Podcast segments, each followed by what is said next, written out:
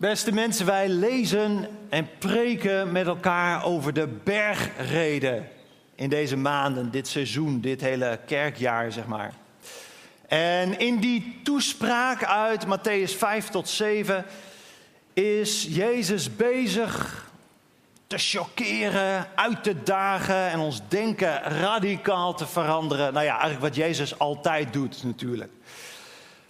Dat is altijd spannend, altijd interessant. En we gaan vandaag preken over een stukje wat voor veel mensen hartstikke bekend is.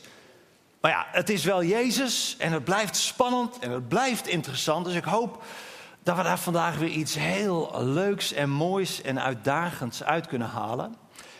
En ondertussen denken jullie misschien van, wat doet die jongen met uh, dat stokje? Uh, ja, dit is de memo vanuit het leiderschap in, uh, in, in de Stadskerk. Uh, het idee was, geloof ik, en ja, ik hou me er maar aan, dat voortaan als we een preek houden, dat we gewoon iets meer van het herderlijk gezag en de herderlijke autoriteit, zeg maar, uit moeten stralen vanaf de preek. Dus daarom. En Jelle, die heeft een veel dikkere, langere stok nog dan ik. Dus goed. Um, ik wou uh, beginnen met het lezen uit Matthäus 5 vanaf vers 21. Prachtig gedeelte uit die bergreden. Dit is het gedeelte waarin Jezus steeds zegt: Er is jullie gezegd dat. Uh, jullie hebben gehoord dat tegen de voorouders is gezegd dat. Maar ik zeg jullie. Dus Jezus introduceert steeds. Bijbel, de wet is jullie altijd zo en zo uitgelegd, een of andere wet. En dan zegt Jezus, maar ik zeg jullie. En dan komt hij met iets ongehoords. En dat doet hij eigenlijk de hele tweede helft van Matthäus 5. En ik pak even het eerste stukje met jullie. Matthäus 5, vers 21. U hebt gehoord dat tegen uw voorouders is gezegd: U mag niet doden. Nou, dat zal ze inderdaad allemaal wel bekend voorkomen. Is natuurlijk een van de tien geboden. Gij zult niet doodslaan, u mag niet doden. En wie iemand doodt, moet zich verantwoorden voor de rechtbank. Maar ik zeg u, ieder die kwaad is op een ander, moet zich voor de rechtbank verantwoorden. Nou, nou, gaat wel wat ver, Jezus. En als iemand een ander uitmaakt voor uh, idioot, moet hij zich voor de Hoge Raad verantwoorden. En als iemand een ander uitmaakt voor gek, moet hij ervoor boeten in het helle vuur. Gehenna staat daar in het Grieks. En sommige uitleggers denken dat gaat uh, misschien ook wel gewoon over de altijd rokende, smeulende, brandende vuilnishopen aan de andere kant van de stadsmuur van Jeruzalem. Gehenna. Als u uw offergave naar het altaar brengt. En u herinnert zich daar dat een ander iets tegen u heeft, laat dan uw offergave voor het altaar staan. Gaat eerst met die ander goed maken, kom dan terug om uw offergave te brengen. Probeer het tijdig met uw tegenpartij eens te worden, als u nog met hem onderweg bent naar de rechter. Anders zou hij u aan de rechter kunnen overdragen en de rechter aan de cipier. En de cipier zou u gevangen zetten. En ik verzeker u, u komt er niet uit tot de laatste cent is betaald.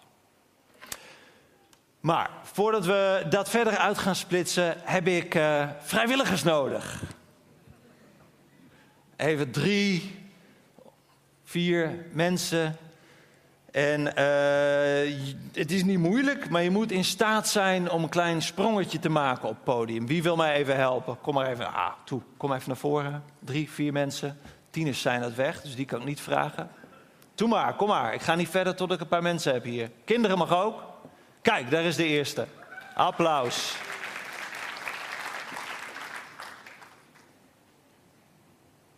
Kijk, eens nog één. Nou, kom op, nog één. Laurens, kom er even bij, jongen. Oudste van dienst. Die dacht dat hij er makkelijk afkwam. Uh, ik heb eigenlijk heel even... Kijk, kijk mooi zo. Welkom allemaal. Ik heb een uh, heel eenvoudige opdracht voor jullie. En dat is, uh, ik heb hier deze lat bij me. Ik maakte daar hele flauwe grappen over, maar eigenlijk is het hiervoor. Jullie moeten er even overheen springen. En uh, Laurens, Ik zal het voor jou makkelijk houden. Doe maar. Oh, applaus. Het ging nog maar net goed. Durf jij ook? Kijk, ietsje hoger. Gaat dat lukken?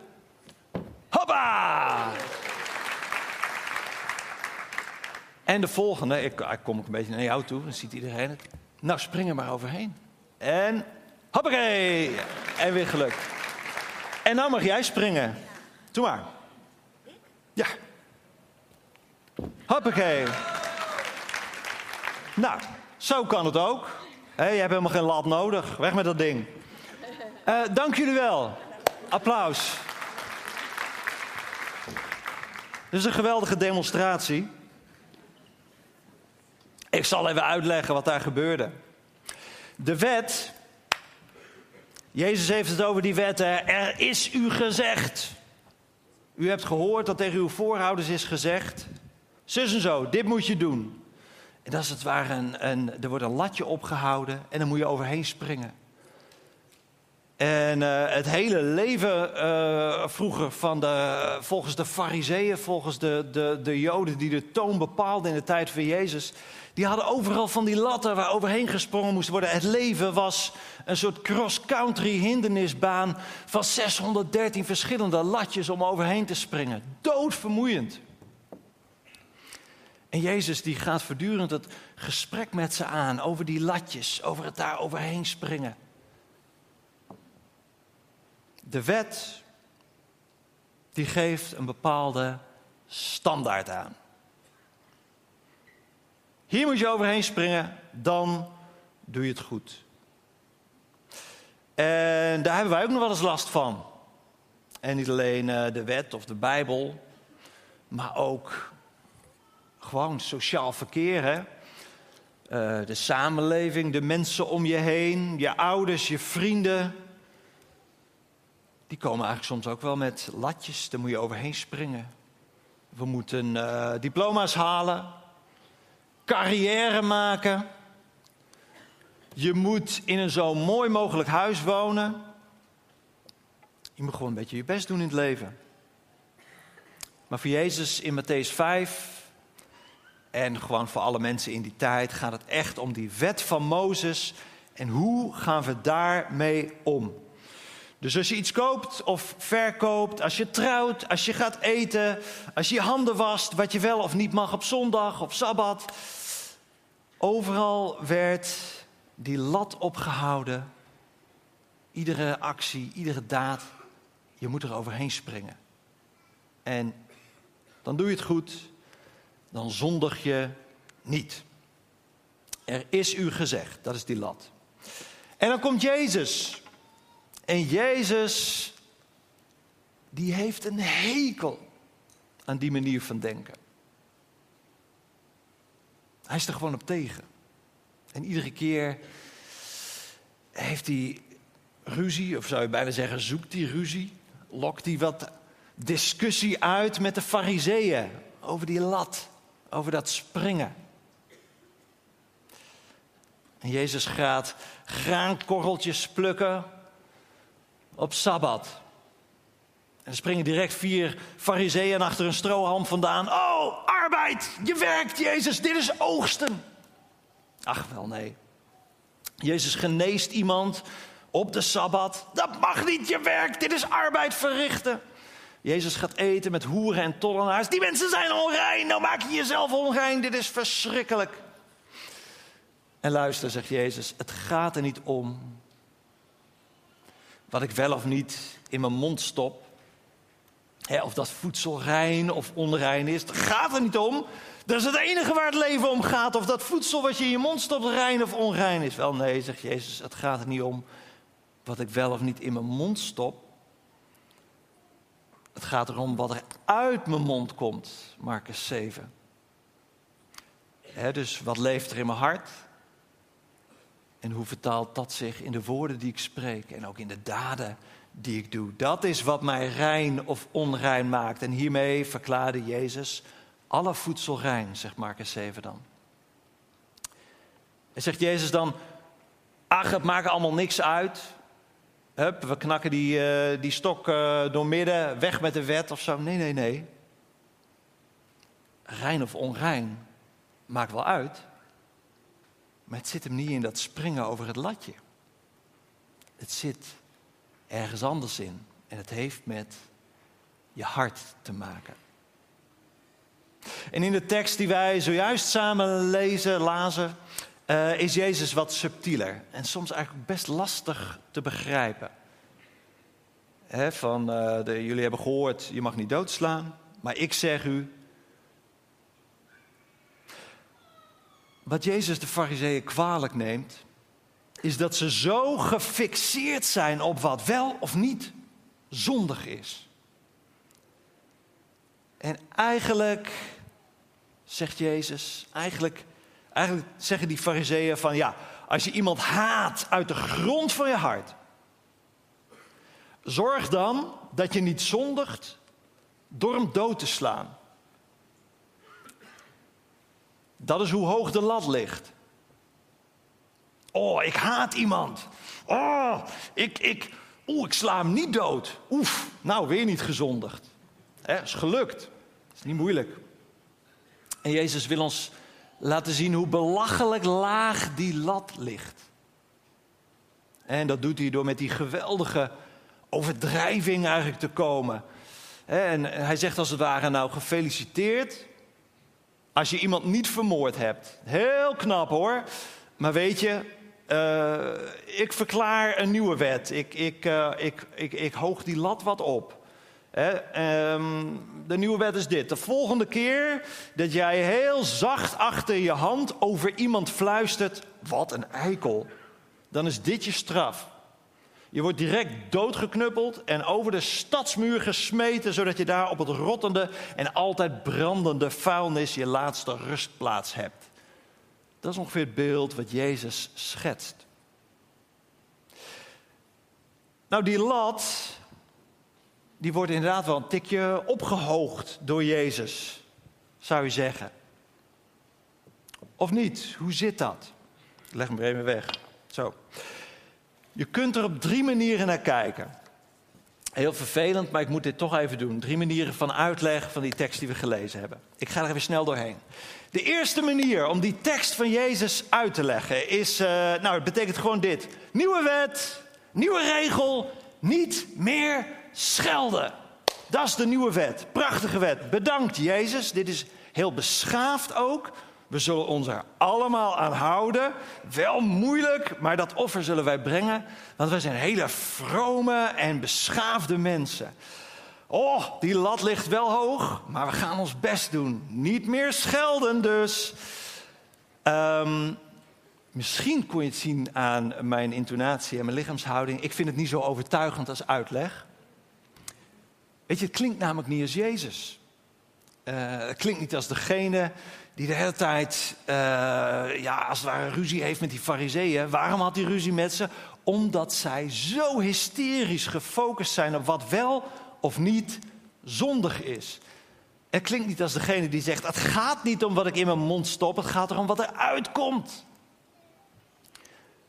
Dus op de een of andere manier moet Jezus iets anders bedoelen dan gewoon een nieuwe wet verzinnen. Nou, manier twee om dit tekstgedeelte uit te leggen. Uh, de fariseeën die hadden dus overal latten om overheen te springen. Een hindernisbaan van 613 wetjes. Maar die lat, uh, die lag dus eigenlijk niet hoog genoeg. En deze manier van uitleg die zegt van, ja weet je wat Jezus doet met deze, ja nou ja, overdrijving, maar gewoon, hij laat zien hoe ontoereikend, hoe zondig we eigenlijk zijn ten diepste. En, en, en door het zo scherp aan te snijden met deze woorden, laat hij zien hoe hoog de lat eigenlijk zou moeten liggen. Namelijk, die fariseeën zaten hier, van nou, spring er maar overheen. En Jezus zegt, oké, ik leg de lat 27 meter hoog, spring er maar overheen. En dat kan niet natuurlijk. Kan nooit. Aha. Dus Jezus laat zien dat we als mensen onherroepelijk tekortschieten. Onbekwaam tot enig goed en geneigd tot alle kwaad, heet dat in de Heidelbergse catechismus. Dus het enige doel van die nieuwe wetten van Jezus is ons te laten zien hoe slecht we zijn. En dat we het kruis nodig hebben. En dat klinkt natuurlijk altijd goed, want dat klopt ook met, laten we zeggen, de christelijke heilsleer. Past helemaal bij de rol van Christus als het lam van God, als het offerlam. Dus, nou ja, vind ik al een stuk beter klinken als uitleg. Maar past dit ook bij Jezus als leraar? En past het bij wat Jezus als leraar in de bergreden en al zijn gelijkenissen aan het doen is? En dan denk ik van, nou, dat vind ik eigenlijk niet. Dat vind ik eigenlijk niet. Het zit er dichtbij in de buurt, want Jezus confronteert ons ergens wel met deze woorden met, joh, het is groter, het is belangrijker, het is veel omvattender. Maar volgens mij gaat Jezus nog een stap verder dan deze uitleg die ik zo net gaf, manier 2. Dus we gaan schakelen door manier 3.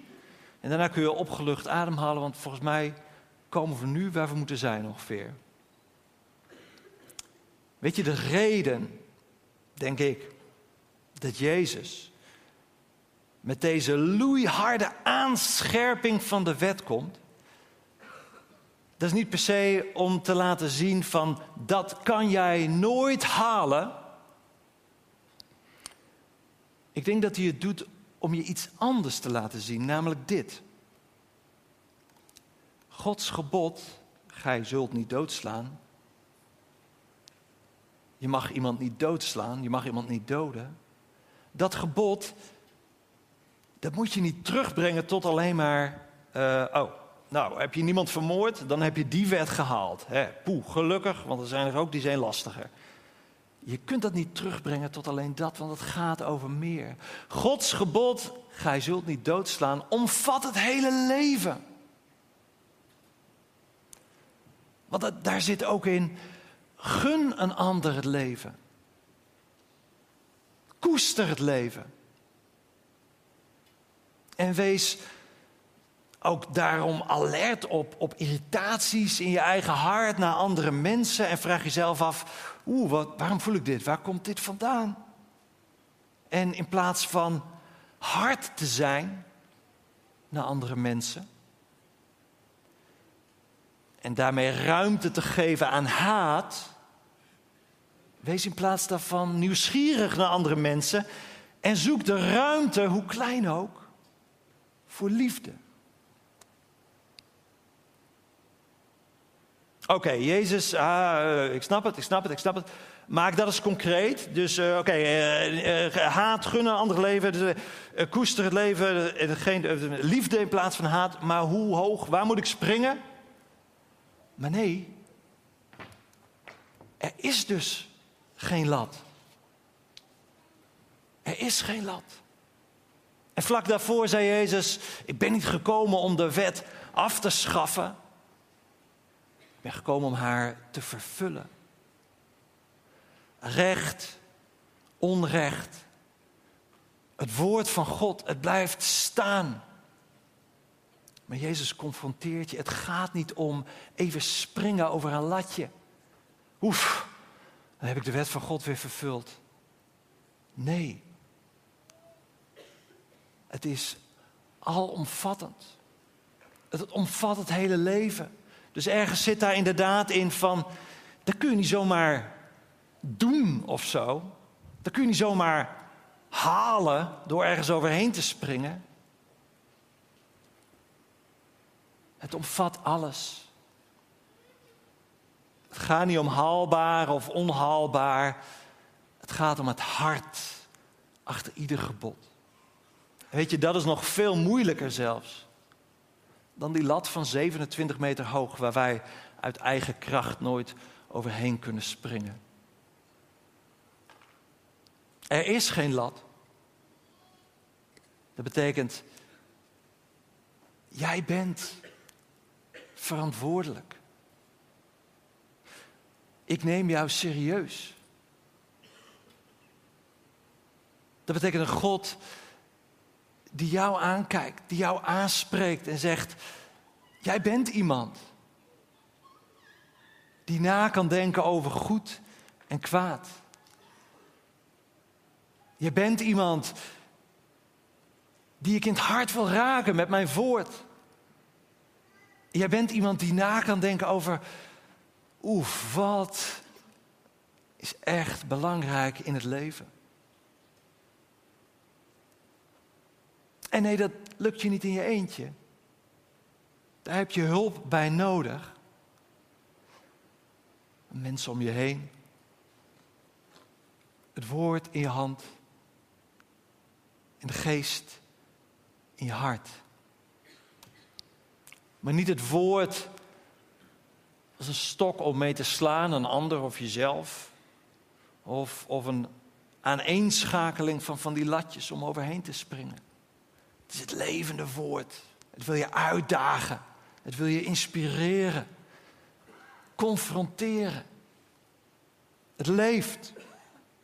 En het briljante is dat Jezus die zogenaamde nieuwe wet over niet schelden, hè, dat hij het direct laat volgen door die verhandeling over in de rij staan voor het brengen van een offer in de tempel. We lazen het zo net. Weet je nog, iemand, Jezus zegt, uh, als je in de rij staat uh, om een offer te brengen in de tempel, en uh, oh, je bent bijna in de beurt, je hebt 2,5 uur gewacht en ineens bedenk je, oh verrek, word je wat ongemakkelijk of zo. Ik, ik, heb eigenlijk ruzie met iemand, of ik moet iemand nog excuses aanbieden, of ik heb iets goed te maken met iemand. En Jezus zegt: hup, uit die rij, ga dat eerst doen.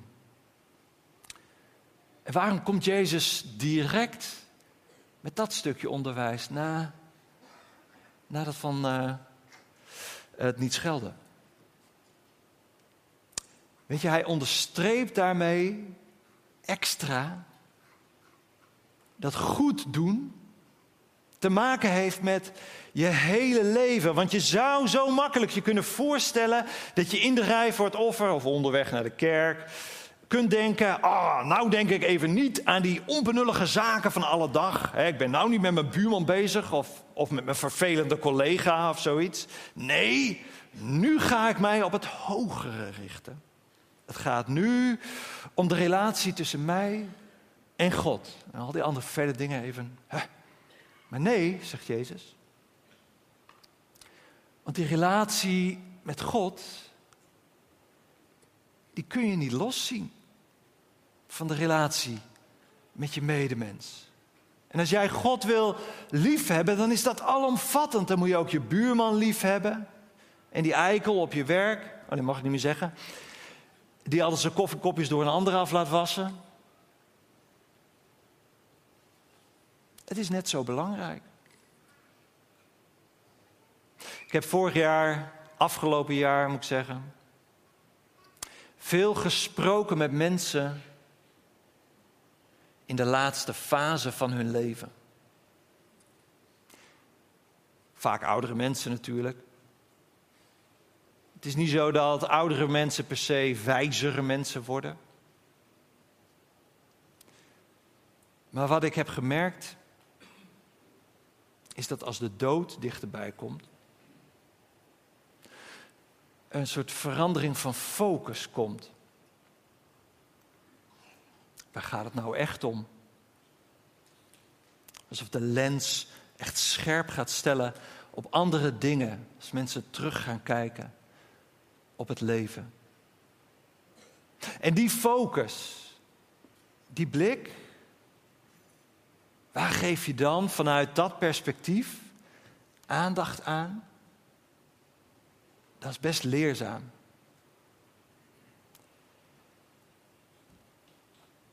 Niet zozeer in de rij voor het brengen van een offer, maar wel in die laatste levensfase of in een ziekenhuisbed.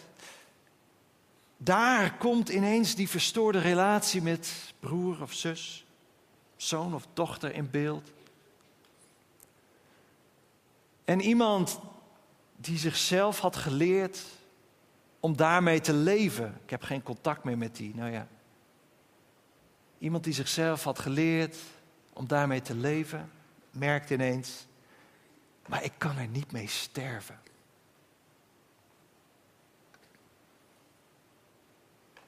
En je zou misschien denken, iemand in de laatste fase van zijn leven. Oh, is, is die niet helemaal bezig met de hemel en met God en met deze relatie? Nee, mensen zijn bezig met deze relatie heel erg. Beide hoor. En ze merken, dit moet kloppen. Dit moet schoon zijn. Dit moet ik opruimen. Enorm intens en waardevol. En Jezus zegt, en daarmee vat hij dit allemaal samen, denk ik. Het eerste gebod. Heb God lief. Met heel je wezen. Met je hart, met je ziel, met je lichaam. Het tweede gebod. Daaraan gelijk. Heb je naaste lief als jezelf. Weet je, niemand zegt op zijn sterfbed: Oh, ik had me strikter aan het gebod moeten houden dat je je tiende moet geven. Of, uh, oh, als ik terugkijk op mijn leven, heb ik zo'n spijt dat toen ik jonger was, uh, keek ik wel naar porno, heb ik zo'n spijt van. Het is niet dat die zaken helemaal niet belangrijk zijn, maar het latje van je moet ergens overheen springen. Dat mag er wel een beetje uit verdwijnen. Als je nou eens kijkt naar, het staat in de Bijbel, ja, tiende geven, hartstikke mooi. Maar waarom? Tiende geven, dat betekent geloven in en investeren in zaken, organisaties, de kerk, maar ook andere dingen misschien, waar jij in gelooft en die jouw eigen persoonlijke belang overstijgen. Het geeft betekenis aan je leven. Een gezonde manier van omgaan met geld en goed, al die dingen meer. Maar als je denkt aan tiende geven van, oké, ik moet iedere keer 10% en dan over dat latje springen. Daar is het niet voor bedoeld. En ook het omgaan met seksualiteit, want dat is ook niet een latje en een wetje tussen jou en God. Van wat wel mag, wat niet mag. Het is een manier om de relatie tussen jouzelf en degene die aan jou gegeven is, te koesteren, te verzorgen. Het geeft diepte en betekenis aan je relatie. Je hebt een opdracht om je leven jouw rol in jouw leven serieus te nemen. En op zoek te gaan naar waarde, naar betekenis. Een opdracht om liefde te investeren in relaties die je aangaat. En een opdracht om liefde te investeren in de wereld waarin je leeft. En springen over latjes leidt daarvan af. Ik denk dat dat hetgeen is wat Jezus ons zo graag duidelijk wil maken. Je leeft niet voor jezelf. Jouw relatie met God en de wet kan niet iets zijn wat alleen over jezelf gaat. Het goede doen gaat over liefde geven en niet over een latje heen springen. De wereld is een plek vol betekenis. En jouw leven heeft ook diepe waarde. En het maakt uit hoe je leeft. En in die zin ligt die lat ontzettend hoog. En is er een hoge standaard. En de rol van het offer van Christus. Ja, die is dat je niet meer zo bang hoeft te zijn. Dat je het verkeerd doet. Je niet bang hoeft te zijn om de wet te overtreden. Jezus geeft je als het ware de opdracht en de vrijheid om die lat weg te denken. Je hele leven als het ware als geheel te overzien. Een beetje het perspectief, misschien niet zo'n fris idee, maar toch het perspectief van het sterfbed. Wat doet er nou echt toe?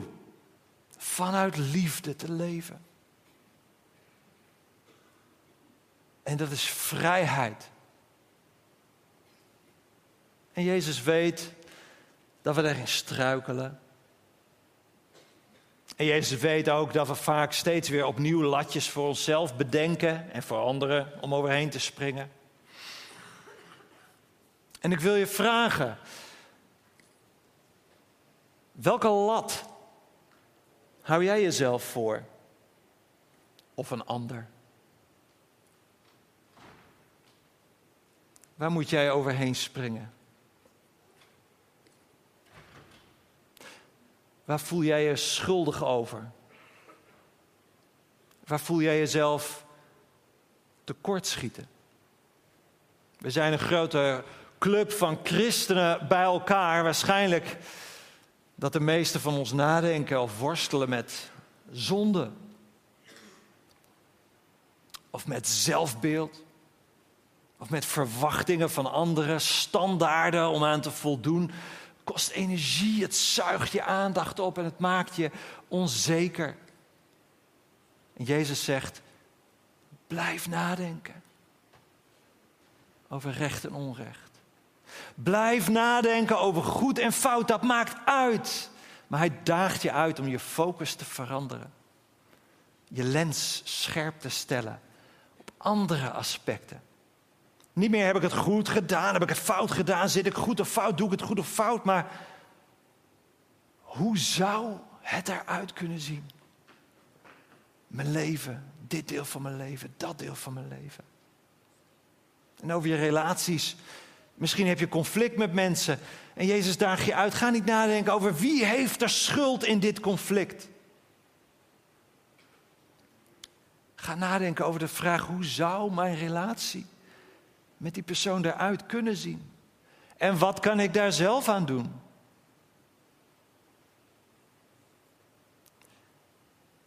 Dus nogmaals, het klinkt wat onaantrekkelijk, maar ik ga het toch nog een keer zeggen: leef je leven alsof je op sterven ligt. Verander je focus. En laat oplichten wat er echt toe doet. En laat dan het woord tot je spreken. En de geest in je hart. Zullen we samen bidden? Ik wil je uitnodigen om te gaan staan.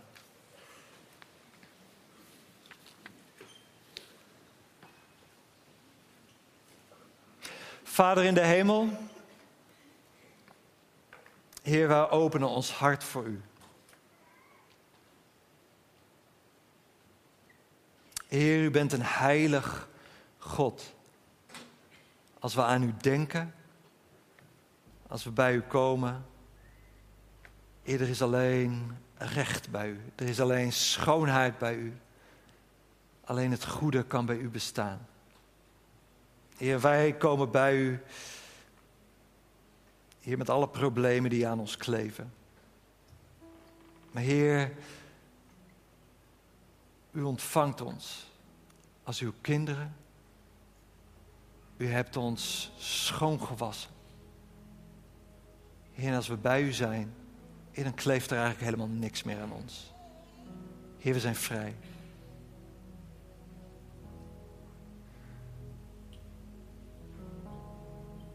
Maar Heer, wij worstelen. Wij struikelen. En we houden onszelf voor, het is weer niet goed genoeg.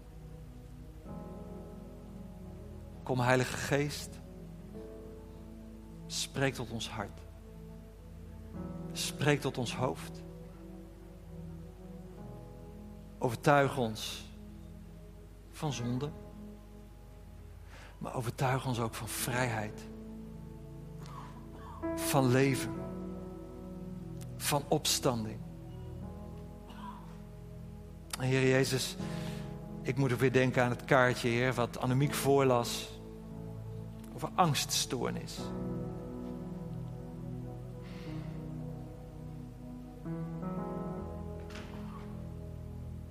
Het woord van God is vrede. De aanwezigheid van God is vrede en rust. Heer Jezus u breekt de ban. Heer, we brengen ook al onze angst en onzekerheid bij u. Heer, raak ons hart aan, raak ons denken aan. Heer, we willen u danken. Maar we willen ook uitspreken, uitzingen. Ik heb u nodig. Ik heb u nodig. Heer, want de vrijheid die u ons geeft, het wegnemen van dat latje, Heer, het is ook iets ontzagwekkends groot. Maar u bent erbij. Kom ons tegemoet, Heer.